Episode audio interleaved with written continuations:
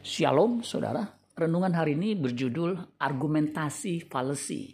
Markus 6 ayat 2 sampai 3. Pada hari Sabat ia mulai mengajar di rumah ibadat dan jemaat yang besar takjub ketika mendengar dia dan berkata, "Dari mana diperolehnya semuanya itu?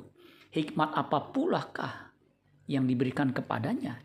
Dan mujizat-mujizat yang demikian bagaimanakah dapat diadakan oleh tangannya? Bukankah ia ini tukang kayu, anak Maria, saudara Yakobus, Yoses, Yudas, dan Simon? Dan bukankah saudara-saudaranya yang perempuan ada bersama kita?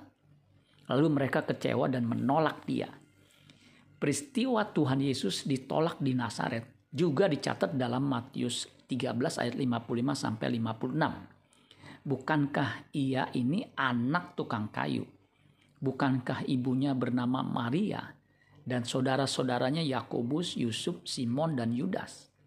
Dan bukankah saudara-saudaranya perempuan semuanya ada bersama kita? Jadi dari mana diperolehnya semuanya itu? Alasan orang yang satu kampungnya menolak Kristus karena ia anak Yusuf, anak tukang kayu, sehingga tidak mungkin bisa mengajar demikian hebat dan melakukan banyak mujizat. Ini adalah argumentasi yang tidak berdasar alias argumentasi yang salah. Hal ini dipaksakan bahwa tidak mungkin seorang anak tukang kayu yang tidak belajar di sekolah, di sekolah para rabi, bisa mengajar demikian luar biasa dan melakukan mujizat. Saya teringat ada seorang yang menunjuk seorang anak dari seorang supir sambil berkata, anak ini nggak mungkin bisa kaya. Ini juga argumentasi yang gegabah anak seorang supir tidak mungkin bisa kaya.